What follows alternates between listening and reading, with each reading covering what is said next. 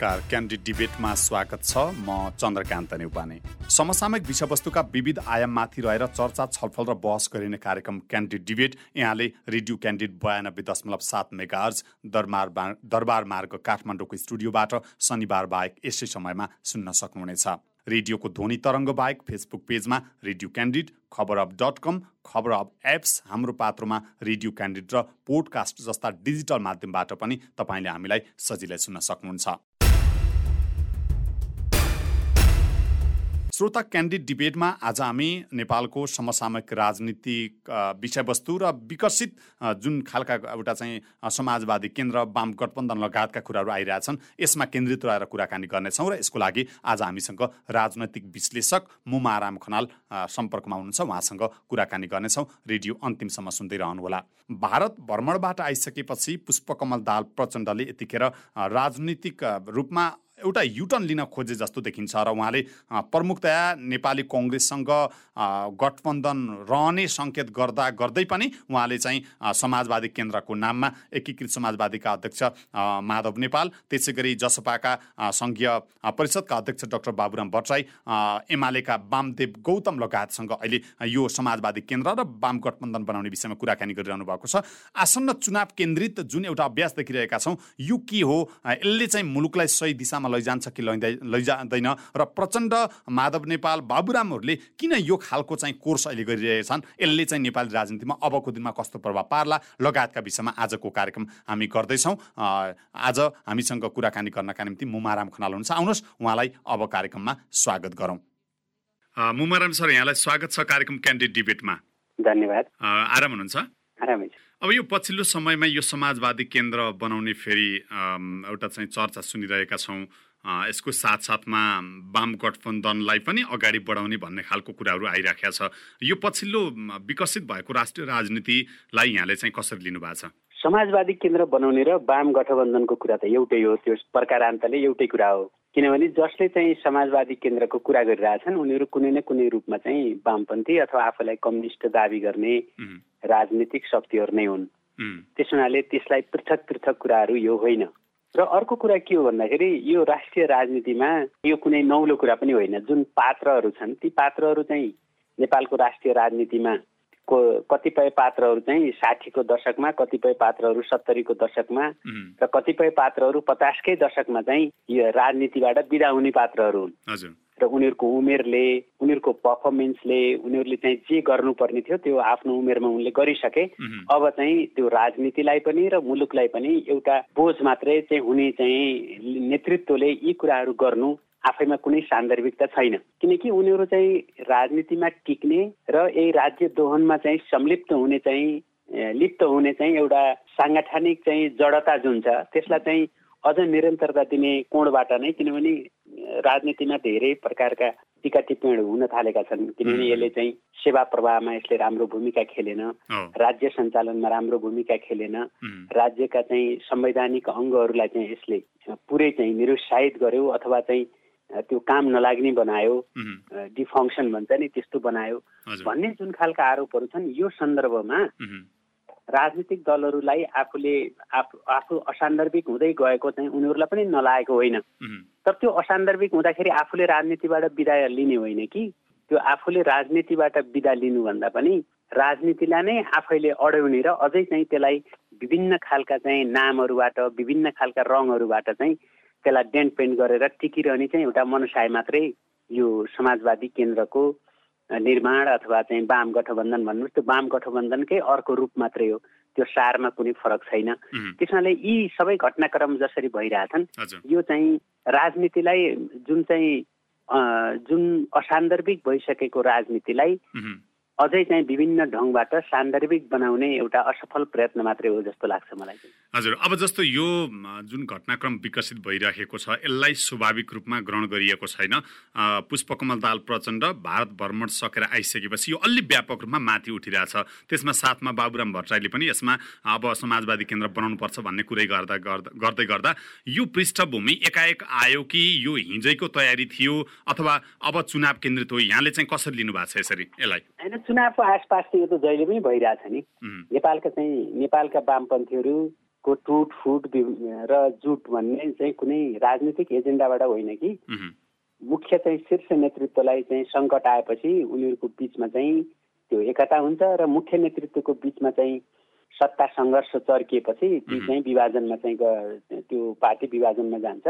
यो हिजो पनि हुँदै आएको कुरा हो। फेरि पनि अहिले निर्वाचन आउँदै गर्दा केही नेताहरूलाई चाहिँ पार्टी पार्टी नै छैन केही नेताहरूको जस्तै उदाहरणको लागि बाबुरामजीको पार्टी नै छैन अहिले। उहाँले चाहिँ पार्टी पुनर्गठन गर्नको लागि पनि उहाँका लागि धेरै चाहिँ चुनौती छ। त्यसमाले उहाँको चाहिँ व्यक्तिगत राजनीतिक सान्दर्भिकताका लागि पनि एउटा खालको चाहिँ एकीकरण चाहिन्छ। र अर्को कुरा प्रचण्डको पार्टी पनि यदि नेकपा एमाले अथवा नेकपा चाहिँ के अरे नेपाली कङ्ग्रेससँग नमिलिकन त्यसको आफ्नो स्वतन्त्र छुट्टै अस्तित्व त्यसले गुमाएको धेरै वर्ष भइसक्यो। र त्यसले चाहिँ विभिन्न ढङ्गको चाहिँ एउटा राजनीतिक शक्तिमा टाँसो लाएर मात्रै आफ्नो राजनीतिक गतिविधिलाई चाहिँ अगाडि बढाइरहेछ। त्यस कारणले त्यहाँ पनि एउटा खालको सङ्कट छ। यी सङ्कटहरूलाई निर्वाचनभन्दा अगाडि सत्तामा टिकिरहने र त्यो सत्ताको लालसाबाट उत्पन्न भएका यस्ता प्रकारका चाहिँ एउटा तरबार बेचुवा र घिउ बेचुवाहरूका चाहिँ एकता अथवा चाहिँ विभाजनले नेपाली राजनीतिलाई चाहिँ एक एक प्रकारले भन्नुहुन्छ भने त्यो वितृष्णा पैदा गरिरहेछ। वामपन्थीहरूका यस्ता प्रकारका हरकतले एउटा वितृष्णा पैदा गरिरहेछ। र यो वितृष्णालाई उनीहरूले चाहिँ आफू टिकिरहने उदाहरणकै लागि भन्नुहोस् न प्रचण्डको पैँतिस वर्षदेखिको राजनीतिक यात्रामा उनी चाहिँ कहिल्यै पनि सेकेन्ड म्यान हुन नपर्ने। अनि अब अर्को अरू चाहिँ त्यो पार्टीभित्र रहेका कैयौँ मान्छेहरू जो आफू नेतृत्वमा चाहिँ अब पुग्न सकिँदैन भन्ने ठानेपछि छुट्टै भान्साको तयारी गरेर चाहिँ पार्टी फोडेर छुट्टै पार्टीहरू बनाउने नेकपा एमालेमा पनि त्यही प्रकारको चाहिँ अवस्था छ। ती पार्टीहरू पनि तिनवटा भए भएका छन्। त्यो वामदेवलाई छुट्टै पार्टी चाहिएको छ उनको चाहिँ सानो कमजोर भए पनि उनले चाहिँ केही मान्छेहरूलाई सिला खोजेर पार्टी बनाउनु पर्ने माधव नेपाललाई सानो कमजोर भए पनि एउटा पार्टी बनाउनु पर्ने ओलीलाई चाहिँ पार्टीमा चाहिँ आफू आफ्ना समकक्षी नेताहरूलाई चाहिँ धपाउनु पर्ने मतलब यी सबै क्रियाकलापहरूलाई हेर्नुहुन्छ भने यो टिप्पणी गर्न लायक पनि छैन के राजनीति मलाई त रुचि पनि लाग्दैन अहिले त भन्नुहोस् न। यो टिप्पणी गर्न लायक पनि हाम्रो राजनीतिलाई राखेन यिनीहरूले अब उसो भए अब हामी तपाईँको भनाइलाई सारांशमा लिनुपर्दा पुष्पकमल दाल प्रचण्ड डाक्टर बाबुराम भट्टराई वामदेव गौतम अब एकीकृत समाजवादीका अध्यक्ष माधव कुमार नेपाल लगायत माओवादीका केही शीर्ष नेताहरू यो अहिले समाजवादी केन्द्र बनाउन हिँड्नु भएको छ। यसको अर्थ उहाँहरू सबै अब सङ्कटको दिशामा उहाँहरूको राजनीतिक करियरले अब चाहिँ उत्तरार्धको मोड लिएको हो भन्ने खालको सन्देश हो यो। अनि उनीहरू चाहिँ नेपाली राजनीतिमा मैले अघि नै भने माधव नेपाल साठीको दशकबाट उनी असान्दर्भिक भइसकेका पात्र हुन्। सत्तरीको दशकबाट केपी ओली चाहिँ असान्दर्भिक भइसकेका पात्र हुन्। होइन बाबुराम भट्टराई चाहिँ सत्तरीको दशकबाट उनी असान्दर्भिक भइसके। वामदेव गौतम असान्दर्भिक भएको त धेरै वर्ष भइसक्यो। होइन नेपाली राजनीतिमा वामदेव आउनु भनेको एउटा अर्को खालको चाहिँ त्यो विढङ्ग मात्रै उत्पन्न हुनु भन्ने कुरा उनका चाहिँ क्रियाकलापले देखाइसकेका छ। अनि यी पात्रहरूबाट तपाईँले नयाँ राजनीति चाहिँ को पुनर्गठन हुन्छ कि पुरानै राजनीतिबाट अझ चाहिँ राज्य दोहनलाई चाहिँ गहिरो बनाउने नेपालको चाहिँ राजनीतिक सङ्कटलाई अझ गहिरो बनाउने हुन्छ र त्यहाँभित्र राजनीतिक दलहरूभित्र उनीहरूले कमसेकम छोडिदिने हो भने अर्को पुस्ताले जस्तो सक्थ्यो त्यस्तै पार्टी बनाउँथ्यो।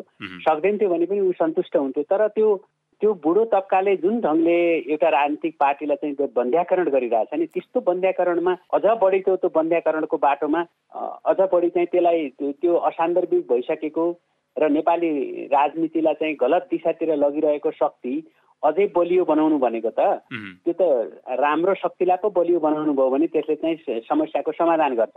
नराम्रो शक्तिलाई अझ बलियो बनाउनु भयो भने त्यसले चाहिँ समाधान थप्छ।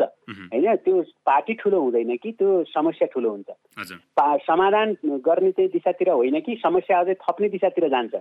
राज्य दोहनलाई चाहिँ कमजोर बनाउने होइन कि राज्य दोहनलाई अझ बढी चाहिँ फराकिलो पार्छ।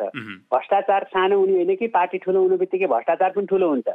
भन्दाखेरि तपाईँ चाहिँ यी समस्याहरू जुन छन् त्यसलाई समाधान गर्नको लागि होइन कि? समस्यालाई चाहिँ थप थप बढाउनका लागि चाहिँ किन पार्टी ठुलो बनाउनु पर्यो? त्यो सङ्कटग्रस्त मान्छेहरूको सङ्कटग्रस्त उमेरमा फेरि एउटा सङ्कटग्रस्त पार्टीलाई किन ठुलो बनाउनु पर्यो भन्ने हो मेरो चाहिँ। हजुर। अब यहाँनिर यी नेताहरू मध्ये अहिले सबैभन्दा बढी चर्चाको पात्र पुष्पकमल दाल प्रचण्ड हुनुहुन्छ र प्रचण्डको नै अबको राजनीति कसरी अगाडि बढ्छ भन्दै गर्दा यदि प्रचण्ड जुन एउटा गेम खेलिरहनु भएको छ अहिले यहाँनिर उहाँले गोल हान्न सक्नु भएन भने उहाँको राजनीति कतातर्फ जाला। एकैछिन कङ्ग्रेसलाई छेउमा राखेर कुरा गरौँ न। यी पात्रहरूको बारेमा जति कुरा गरे पनि त्यो निष्कर्ष एउटै निस्किन्छ कि प्रचण्डको प्रचण्डको चाहिँ पार्टी त्यो एउटा ठुलो चाहिँ हिंसात्मक चाहिँ सङ्घर्षबाट आएको हुनाले उसले त्यो हिंसासँग चाहिँ जोडिएको एउटा एउटा तबका चाहिँ त्यो यति नवधनाढ्य भइसकेको छ कि अब उसलाई चाहिँ एउटा पार्टी र एउटा शक्तिमा नरहने हो भने त्यसलाई आफ्नै पार्टीकाले चुट्छन् भन्ने डर छ। त्यसमा त्यो प्रचण्डका लागि चाहिँ के हो भने त्यो समूहलाई चाहिँ त्यो समूहलाई चाहिँ आफ्नो ठाउँमा राखेर राष्ट्रिय राजनीतिमा सबैलाई तर्साउने मात्रै हो। त्यसमाले प्रचण्डका लागि आफू शक्तिशाली बन्नका लागि चाहिँ आफ्नै आफू अलिकति चाहिँ आफूलाई च्यालेन्ज गर्न पर्यो भने पार्टीबाट लखेट्ने र आफू कमजोर भयो भने पार्टीमा फेरि ल्याउने उनको यो धन्दा त आजदेखि होइन धेरै पहिलेदेखिकै धन्दा हो। त्यसमाले यो धन्दामा प्रचण्डले के को गोल हान्नु प्रचण्डले भन्नु न त्यो गोल गोल हान्नका लागि उहिल्यै खुट्टा नभएको पार्टीसँग के गोल हान्ने छ र त्यो मुखले गोल हान्ने मात्रै हो। त्यस कारणले राष्ट्रिय राजनीतिमा सान्दर्भिक हुनका लागि त गोल नहान्ने पात्र चाहिँ आइरहेछन् अहिले चाहिँ। अब सत्तरी कटेका चाहिँ नेताहरूले के गोल हान्छन् भन्नुहोस् न राजनीतिमा? त्यो गोल हान्ने होइन कि? बरु चाहिँ त्यो पोखरीमा अरूलाई चाहिँ पस्न नदिने र त्यो राजनीतिको पोखरीलाई असाध्यै धमिलो बनाउने र त्यो धमिलो पानीमा चाहिँ माछा मार्ने चाहिँ मात्रै उनीहरूको चाहिँ एउटा ध्येय छ अहिले। नत्र राष्ट्रिय राजनीति कहाँ पुगेको छ भन्ने कुरा त हाम्रो चाहिँ फरेन पोलिसी खत्तम भएर गएको छ जुडिसियरी खत्तम भएर गएको छ ब्युरोक्रेसी खत्तम भएर गएको छ। भने हाम्रा कुनै पनि इन्स्टिट्युसनले काम गर्न सक्ने अवस्था पनि छैन। तपाईँ खुलेआम चाहिँ लुटतन्त्र तपाईँ अर्थ मन्त्रालयदेखि राष्ट्र ब्याङ्कदेखि कहाँ अदालतदेखि कहाँनिर चाहिँ हाम्रो राज्य सत्ताका अङ्गहरूले काम गरेका छन् र त्यसैले उहाँहरूका चाहिँ उहाँहरूको प्रतिभा एकचोटि प्रधानमन्त्री हुँदा देखियो दुईचोटि हुँदा देखियो अब तेस्रोचोटि हामीले के देख्न बाँकी छ उहाँहरूको नाङ्गो रूप त्यसैले मलाई चाहिँ के लाग्छ भने यो राष्ट्रिय राजनीतिमा जुन पात्रहरू छन् ती पात्रहरूको बारेमा टिप्पणी गर्नु ती पात्रहरूको बारेमा चाहिँ बोल्नु कुनै पनि अर्थहीन प्रयोजनहीन भइसक्यो नेपाली राजनीति। पात्रहरूको बारेमा जुन हामी जति कुरा गर्छौँ तिनीहरूको बारेमा एउटै निष्कर्ष निस्किन्छ। आजभन्दा मैले बिस वर्ष अगाडि दिएको अन्तर्वार्ता र अहिले दिएको अन्तर्वार्तामा फरक नहुने भइसक्यो। तैपनि आम नागरिकहरूले अब हाम्रो राजनीति कसरी अगाडि बढ्छ भनेर तपाईँ जस्ता एउटा विद्वानहरूको कुराहरू सुन्न लालयत हुनुहुन्छ। अब जस्तो एमाले र कङ्ग्रेससँग यदि चाहिँ प्रचण्डले चुनावी तालमेल गर्न सकेनन् भने प्रचण्ड अब हिजोका राजनेता अथवा युग नेता भनेर जम्मैले हामीले भन्यौँ अब उनको त्यो अवस्था अब छैन। होइन मैले त राजनेता भनेको मैले सुन्दा पनि सुनिनँ। राजनेता भनेको के हो पहिला पहिला त राजनेता भनेको त्यस्तो मान्छे राजनेता हुन्छ जो चाहिँ राजनेता भनेको त राष्ट्रलाई एउटा चाहिँ तपाईँ चाहिँ हिजो र आजमा चाहिँ तपाईँले चाहिँ तुलना गर्नुभयो भने दुई हजार बैसठी त्रिसठीको आन्दोलनपछि माओवादी सत्तामा आएदेखि यता हेर्नुभयो भने देश चाहिँ दिन दुई गुणा रात चौगुणाको दरले चाहिँ तल तल चाहिँ रसातलमा पुग्दैछ। होइन? सबभन्दा विश्वकै दसवटा राष्ट्रहरूमध्ये सबभन्दा वर्ष चाहिँ सबैभन्दा खराब चाहिँ राजधानी बोक्ने मुलुकमध्ये नेपाल हो। र हाम्रो चाहिँ एउटा निम्न स्तर निम्न आय भएको मुलुकबाट मध्यम आयको स्तरमा ओर्लिएका दस वर्षको दौरानमा बाह्र वर्षको दौरानमा कैयौँ राष्ट्रहरू जो हामीभन्दा कमजोर थिए ती माथि गइसके।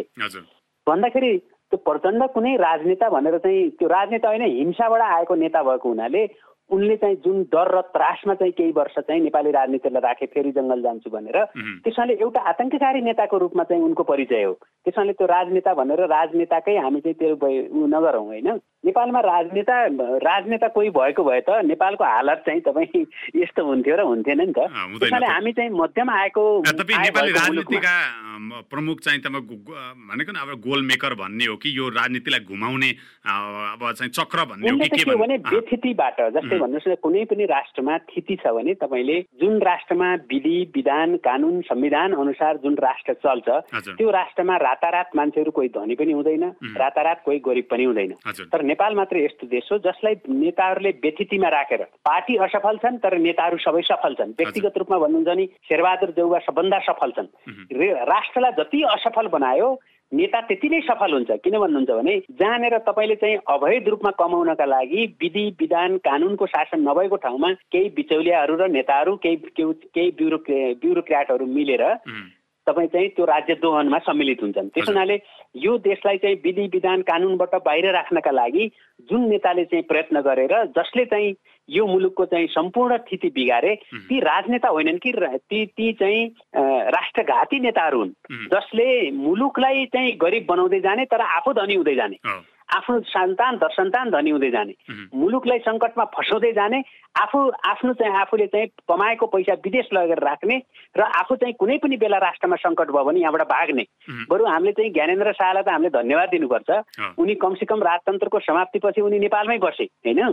त्यसको एउटा ठुलो महत्त्व के हुन्छ भन्नुहुन्छ भने कुनै पनि चाहिँ राष्ट्रमा रहेको धनाढ्य मान्छे अथवा चाहिँ एउटा चाहिँ त्यो सोसल हेजिमनी त्यो सामन्तवाद भनेर हामीले चाहिँ हिजो सामन्ती समाजमा चाहिँ राजा भने त सामन्ती नै हुन्छ। तर उनीहरू राष्ट्र छोडेर जानु र राष्ट्रमा बस्नु भनेको एउटा ठुलो चाहिँ राष्ट्रिय सुरक्षासँग त्यो सम्बन्धित विषय हो। त्यसो हुनाले ज्ञानेन्द्र शाह चाहिँ यहीँ बसेर उनले चाहिँ एउटा सकारात्मक सन्देश के दिए भने उनी चाहिँ नेपालमै बस्छन् भन्ने सन्देश दिए। तर अहिलेका नेताहरू तपाईँ श्रीलङ्काको राष्ट्रपति भागेर श्रीलङ्का प्रधानमन्त्री भागेर चाहिँ सिङ्गापुर आइरहेछ होइन? तपाईँ अफगानिस्तानका नेताहरू भागेर अमेरिका गए। अमेरिकामा चाहिँ बसेर अमेरिकन चाहिँ योजना अनुसार फेरि चाहिँ घानीलाई चाहिँ राष्ट्रपति बनाएर त्यहाँ त्यहाँ पठाए। तर देश कस्तो भयो हेर्नुहोस् त। त्यस हुनाले कुनै पनि राष्ट्रमा हेर्नुहोस् यी नेताहरूको यिनीहरूको कुनै पनि जरो किलो यो मुलुकसँग गाँसिएकै छैन। किनभने यिनीहरू चाहिँ कहिले पनि राष्ट्र निर्माणसँग जोडिएरै आएका छैनन्।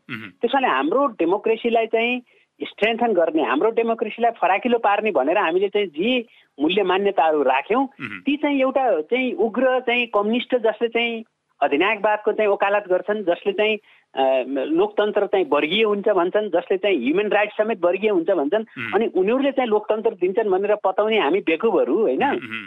म म त त्यही भएर अन्ठाउन्न सालमै मैले चाहिँ त्यो कुरा चाहिँ त्यहाँ अलिकति पार्टीभित्रको डेमोक्रेसी पनि त्यहाँ चाहिँ पार्टीभित्र पार्टीभित्रका आफ्नै सदस्यहरूको चाहिँ इलेक्सन गर्न पनि तयार नभएको चाहिँ पार्टी त्यो डेमोक्रेटिक हुन्छ। त्यसमा चाहिँ म त त्यति बेलै चाहिँ यो यो चाहिँ भ्रमबाट चाहिँ मुक्त भएको हो। त्यसमाले अहिले पनि राज राष्ट्रमा चाहिँ जे जति समस्याहरू छन् ती समस्यालाई चाहिँ लोकतान्त्रिक ढङ्गले हल गर्ने भन्दा पनि लोकतन्त्रलाई अपहरण गर्ने केही चाहिँ त्यो अल्पतन्त्रलाई चाहिँ प्रोत्साहन गर्ने र लोकतन्त्रलाई निरुत्साहित गर्ने चाहिँ गिरुवाको हातमा नेपाली कङ्ग्रेस पनि छ। नेकपा माओवादीको त कुरै छोडौँ त्यो त त्यही गिरुवाको पार्टी नै हो। त्यो गिरुवा चाहिँ पैँतिस सालदेखि त्यही गिरुवाले नै शासन गरिरहेछ पार्टीभित्र र पछि त्रिसठी बैस त्रिसठी सालदेखि यता त्यही गिरुवाले नै शासन गरिरहेछ। त्यो गिरुवामा पन्ध्र बिसजनाभन्दा मान्छे छैन। होइन? त्यसमा अर्को चाहिँ एमालेमा पनि के थियो भने एमालेमा अलिक डेमोक्रेटिक चाहिँ प्रोसेसबाट त्यो पार्टी अगाडि बढ्दै थियो। तर पछि चाहिँ त्यो पनि एउटा गिरुवामा परिणत भयो र त्यो नोकरसाई पार्टी थियो। नोकरसाई पार्टीलाई चाहिँ उनीहरूले लोकतान्त्रिकरण गर्नै सकेनन् अरू त्यहाँभित्रकाले। त्यसैले त्यो पनि एउटा ओलीको नोकरसाई र ओलीको चाहिँ एउटा गिरुवमा चाहिँ त्यो रूपान्तरित भयो। त्यसैले यी अहिलेका राष्ट्रिय राजनीतिका ठुला दलहरू भन्ने चाहिँ जति पनि पार्टीहरू छन् खास गरेर तिनवटा पार्टी तपाईँ तपाईँ हेर्नुभयो भने यी तिनवटै पार्टी चाहिँ एउटा चाहिँ सर्टेन गिरुवाले चलाएको छ र त्यो गिरुवा चाहिँ आजदेखि होइन नेपाली कङ्ग्रेसको त्यो गिरुवा चाहिँ पचास सालदेखि त्यही गिरुवाले खाइरहेछ नेकपा चाहिँ एमाले भित्र पनि त्यो बिस पच्चिसजनाको त्यही गिरुवा हो जुन चाहिँ पचास सालदेखि नै छ। र माओवादीमा पनि त्यही गिरुवा छ जो हिजो चाहिँ पार्टीमा थियो भने बैसठी त्रिसठी सालपछि त्यही गिरुवाले पार्टी चाहिँ कब्जा गरेका छ भन्दाखेरि त्यहाँ कुनै लोकतान्त्रिक चाहिँ परिवर्तनको गुन्जाइसै छैन नत्र त दोस्रो पुस्ताले काङ्ग्रेस जस्तो चाहिँ लोकतान्त्रिक पार्टीमा त लोक आफूलाई चाहिँ लोकतन्त्रको मसिया भन्ने पार्टीमा त परिवर्तन ल्याउनु पर्ने नि होइन? ती असी वर्षका चाहिँ बुढा र्याल चाउँदै हिँड्नेलाई चाहिँ पाँच पटक प्रधानमन्त्री बनाउनु पर्ने पार्टी त्यो लोकतान्त्रिक पार्टी हुन्छ त्यो भित्र लोकतान्त्रिक परिवर्तनको कुनै गुन्जाइस छ? अब यहाँलाई मैले यहीँ रोकेँ उसो भए अब मङ्सिरमा चुनाव पक्कै पनि होला सरकारले अब चुनावको मिति पनि घोषणा गर्ला। चाहे पनि नचाहे पनि नेपाली जनताको लागि फेरि यिनै पार्टीहरूलाई चाहिँ निल्नुपर्ने बाध्यता हुने जस्तो देखियो। अब एउटा चाहिँ एमाले कङ्ग्रेस अब हामीले वाम गठबन्धन र यो समाजवादी केन्द्र पनि भनिरहेछौँ। यता कता चाहिँ अब राजा समर्थित हिन्दू राज्य समर्थित केही चाहिँ आवाजहरू पनि देखिरहेछौँ हामीले। अब चाहे पनि नचाहे पनि नेपाली जनताले यिनैलाई रोज्नुपर्ने स्थिति हो कि यहाँनिर अर्को खेलो फड्को होला अथवा केही त्यस्तो नेपाली जनताले छान्ने अर्को केही त्यस्तो आउला यहाँले के देख्नुहुन्छ? होइन त्यस्तो त म देख्दिनँ किनकि त्यो साना साना प्रयत्नहरू आफैमा भएका छन्। ती पनि एकदमै त्यो अहिलेको लोकतन्त्रसँग फ्रस्ट्रेट भएर लोकतन्त्रसँग फ्रस्ट्रेट भएपछि अझ फराकिलो लोकतान्त्रिक अभियानमा लाग्ने हो।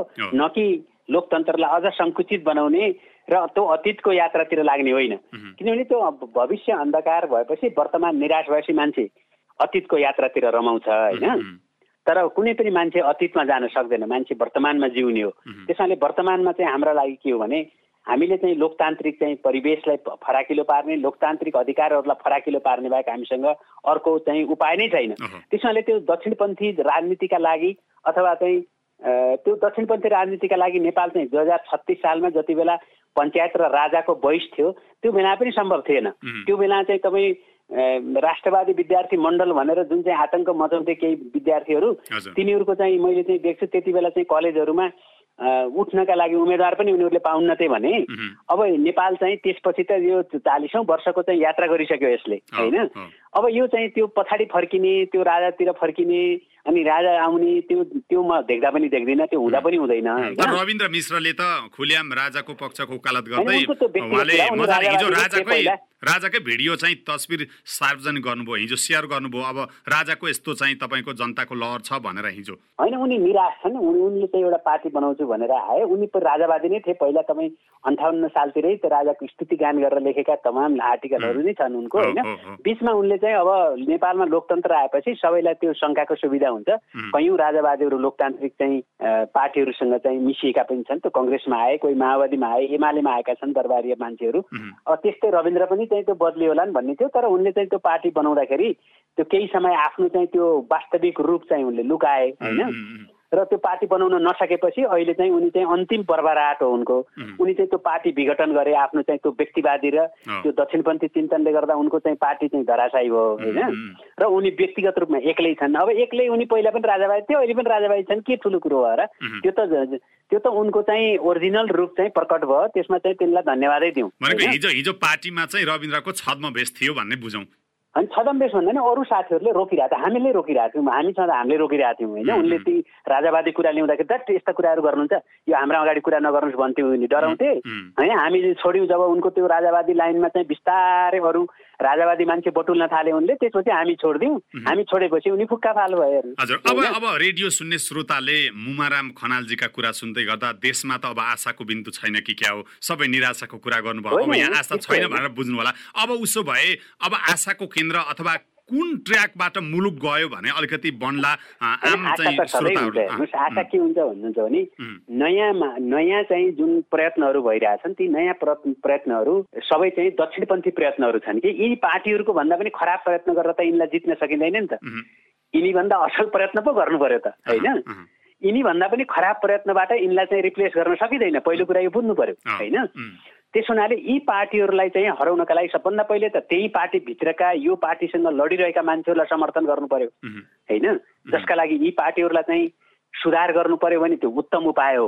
तर अब त्यो चाहिँ यति समयसम्म पनि त्यो नसकिसकेपछि त्यहाँभित्रको चाहिँ त्यो तबका चाहिँ असाध्यै कमजोर छ भन्ने चाहिँ त्यसै प्रमाणित छ। त्यस हुनाले अब चाहिँ के हो भने शीर्ष नेताहरूलाई त्यो पार्टीभित्र पनि त्यहाँ यी शीर्ष नेताहरूबाट धेरै नै प्रत्याशित छन् त्यहाँ मान्छेहरू। यिनलाई कमसेकम अहिलेको निर्वाचनमा हराउनुपर्छ। त्यसका लागि सम्पूर्ण देशकोमा भरि सबैले आफूले जहाँ सके जहाँ सक्छ त्यहाँबाट के अभियान सुरु गर्नु पर्यो भने पार्टीमा रहेका पैँसठी वर्ष काटेका नेताहरूलाई पहिला हराइदिनु पर्यो। त्यसपछि नयाँ चाहिँ एउटा कोर्स सुरु हुन्छ त्यही पार्टीभित्र पनि। अनि बाहिर बाहिर पनि हो अब बाहिर पनि चाहिँ डेमोक्रेटिक अहिले चाहिँ साना साना पार्टीहरू क्षेत्रीय पार्टीको रूपमा मधेसवादी पार्टी छन् दुईटा होइन? र केही जातीय पार्टी बनाउने चाहिँ कोसिस गरे ती जातीय पार्टी खासै बनेनन्। त्यस क्षेत्रीय पार्टीहरूको रूपमा चाहिँ मधेसमा मात्रै छ अन्त चाहिँ क्षेत्रीय पार्टी बनेनन्।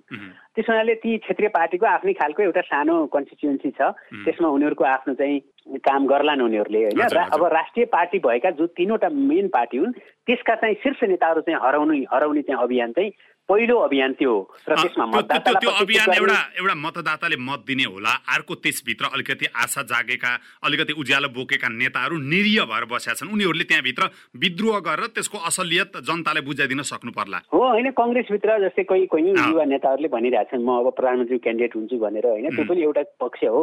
मिडिया एउटा पक्ष हो। हामीले लेखेर पनि अब यिनीहरूलाई चाहिँ भण्डाफोर गर्ने यिनीहरूको बारेमा चाहिँ यिनीहरूले चाहिँ मुलुकलाई बर्बाद पारे अब यिनीहरूलाई किन टिकाउने भन्ने अभियान चाहिँ त्यो कुनै अभियान चाहिँ कुनै पार्टी जस्तो अभियान बनाउनु पर्छ भन्ने होइन आफ्नो आफ्नो ठाउँबाट।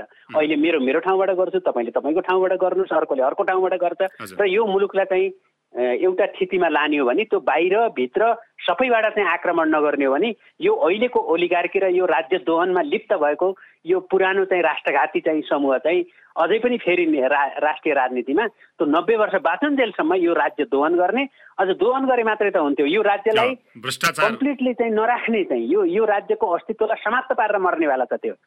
अब भनेपछि अब हामीले चाहे चाहिँ ओली चाहे प्रचण्ड चाहे देउवा यी कुनै पनि पुस्ता अबको चाहिँ चुनावबाट उनीहरू होत्तिनु पर्छ उनीहरू चाहिँ विश्राम गर्नुपर्छ भन्ने यहाँको राय। अब अन्तिममा हो इभन माधव नेपाल बाबुरामजी राजनीतिमा इरिलेभेन्ट भइसक्नु उहाँहरू पनि हो। अब रवीन्द्रनाथ बामदेव सबै सबै यो पुस्ता सबै। यो पुस्ता असफल भयो। गणतन्त्र यो पुस्ताले यो पुस्ताले चाहिँ सफल चाहिँ आफूलाई सफल बनायो। प्रधान विभिन्न तिगडम गरेर प्रधानमन्त्री भयो राज्य दोहन गरेर धनी भयो। अब यो पुस्तालाई चाहिँ हामीले विदा गरेनौँ भने अब यो पुस्ताले यो राष्ट्र पनि राख्दैन। अब दुई मिनट मात्रै दुई मिनट मात्र मसँग समय छ यहाँले भनिदिनु होला। जस्तो निर्वाचनको बेलामा नागरिकता जस्तो विषयलाई छेप्यास्तरको रूपमा प्रयोग गर्ने नेपालमा प्रचलन छ र यो अहिले पनि देखियो होइन?